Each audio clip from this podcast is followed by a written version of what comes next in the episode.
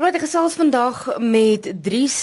Vertel vir my van die musiek wat jy wat jy gebruik het vir die film. Dit is 'n bestaande reeks en die in die musiek, veral die die titelsnit is baie baie bekend. Ek dink jy was iemand wat in die 80s en die 90s TV gekyk het wat nie die die liedjie ken nie.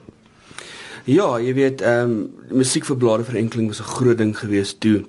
En veral as jy mense nou vandag vra wat onthou hulle van belade verenkeling is, baie van hulle sê die heel eerste reaksie, ehm um, die liedjies, jy weet, of die titels net die Richard van der Westhuizen enkeling of Fossarnoy deur ehm um, Louis van Rensburg.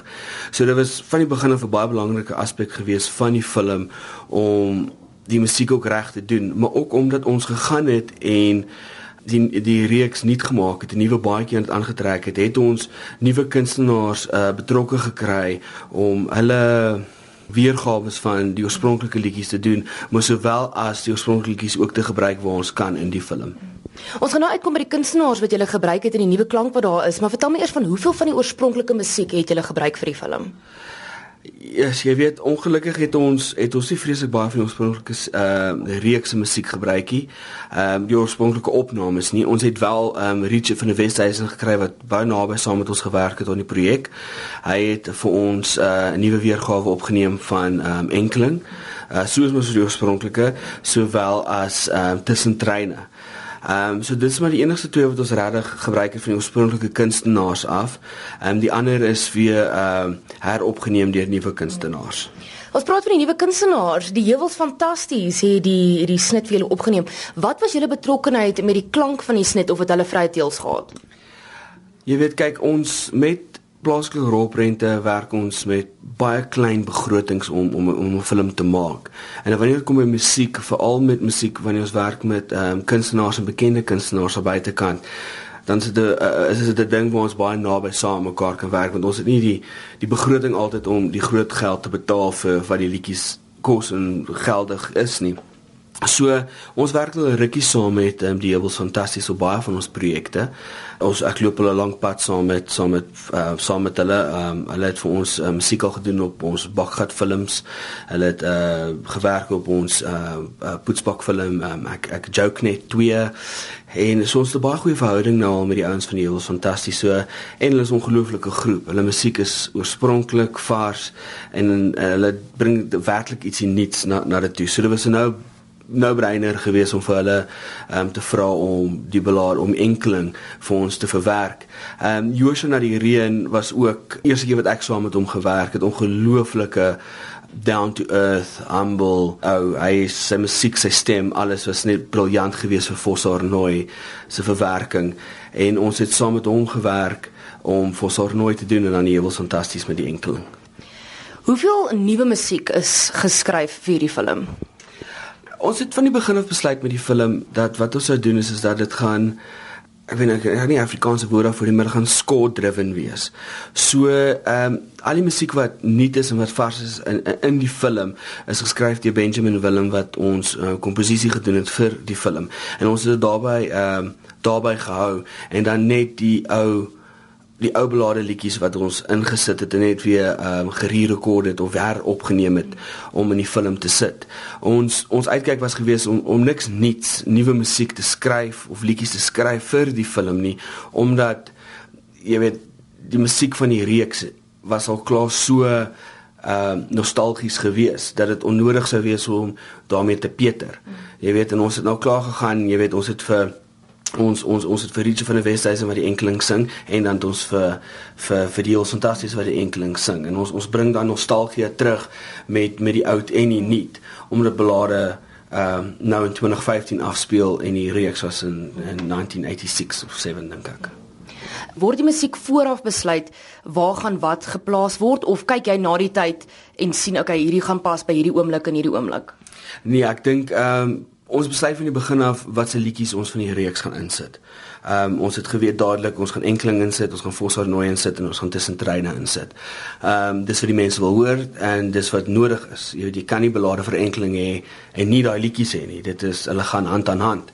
As dit dan kom by die komposisie van die musiek wat geskryf word, ehm um, dit word dan gedoen saam met die regisseur en ehm uh, die komponis Benjamin Willem want ons sal saam sit en na die prentjie kyk en die musiek skryf vir die prentjie. Uh, die komponis raak van die begin af betrokke van produksie af betrokke en kyk na van die beeldmateriaal wat ons geskiet het elke dag. En dan wanneer dit inkom by nadat die ehm um, die die sny van die film voltooi is, sal ons nou sit en dan nou na elke toneel kyk en dan sal hy nou skryf per wat hy sien op die skerm. En dan ook gaan, jy weet, ons wil bietjie meer ehm um, spanning hier, ons wil bietjie meer lig, emosie hier so en ons wil bietjie meer hartseer hier so en ons wil bietjie meer liefde hier so hê, spanning en sulke tipe goed. En dan ehm um, jy weet vergroot ons dit net of verklein dit net maar dit gebeur in die, in, in die naproduksie gebeur dit na die film gesny is en hy skryf vir per toneel wat hy sien en hoe hy dit voel Dries ons het nou so gesels oor die bekendheid van hierdie liedjies tussen Treine, Volsaar Nooi en um die enkeling. Maar tog het julle besluit om nie 'n album vir hierdie film uit te bring nie. Wat is die rede agter dit? Het ons ons ons het al in die verlede probeer om om om klankbane uit te bring vir ons films. Um, ons het al 'n paar klankbane uitgebring met van die films wat ons gedoen het. Ons ons het besluit dat hierdie film ons nie te veel musiek wat nie gekomponeer is deur wat nie skoor is nie in die film te sit en laat ons net bly by die musiek wat reg nostalgies is en so. En dan sit jy maar met 3, 4 liedjies. Ons het gespeel met die idee om 3, 4 liedjies bymekaar te sit saam met die saam met die skoor van die film en die skoor is so amazing en en, en great. Maar ons het nie gevoel dat dit uh, finansiëel sin gaan maak om 'n klankbaan uit te bring met so min liedjies op nie. Dit sê die deur is die toele op nie.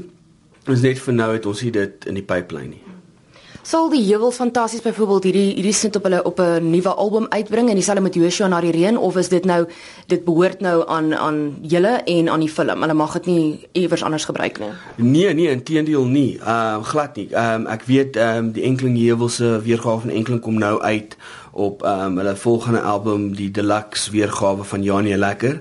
Die enkeling gaan daarop wees. Ehm um, ek is nog nie seker wat uh, Joshua die reën gaan doen met uh, sy verwerking van Fossar Nooi nie of dit beskikbaar gaan wees op sy iTunes account of op sy volgende album nie. Maar mense gaan definitief die geleentheid kry om hierdie musiek ehm um, te besit. Ehm um, die musiek is is gaan beskikbaar gestel word vir die publiek om te kry. Ons gaan net nie 'n uh, belade vir enkeling klankbaan uitbring met 13 liedjies van die film nie. Uh, ons het ongelukkig nie genoeg um, liedjies gehad daarvoor nie. Uh, maar mense gaan definitief die die liedjies wat Joshua na die reën die heuwels gedoen het en Richard gedoen het. Ehm um, dit gaan hulle kan kry by die kunstenaars. Ehm um, ons sal meer inligting uitsit daaroor soos wat dit aangaan op ons op ons Facebookblad en Twitter en en, en webwerf, maar ehm um, mense gaan definitief kan besit, ja. Dries om jou af te sluit, hierdie is nie die enigste film waarop jy natuurlik al gewerk het nie. Jy het vroeër gepraat van ek joke net en en al die ander films waar jy betrokke was. Kan die musiek of die klankbaan van 'n film die sukses bepaal en is dit regtig so belangrik? Ag ek ek dink dis dis regtig is, is 'n persoonlike opinie. En ek dink daar's 'n exact science agter dit nie. Ek persoonlik voel uh, 'n uh, klankbaan vir 'n film is is ongelooflike nice 'n uh, bemarkings tool en dit kan help by die bemarking van van van 'n prent. Maar 'n klankbaan vir 'n prent gaan nie noodwendig vir jou meer geld inbring nie.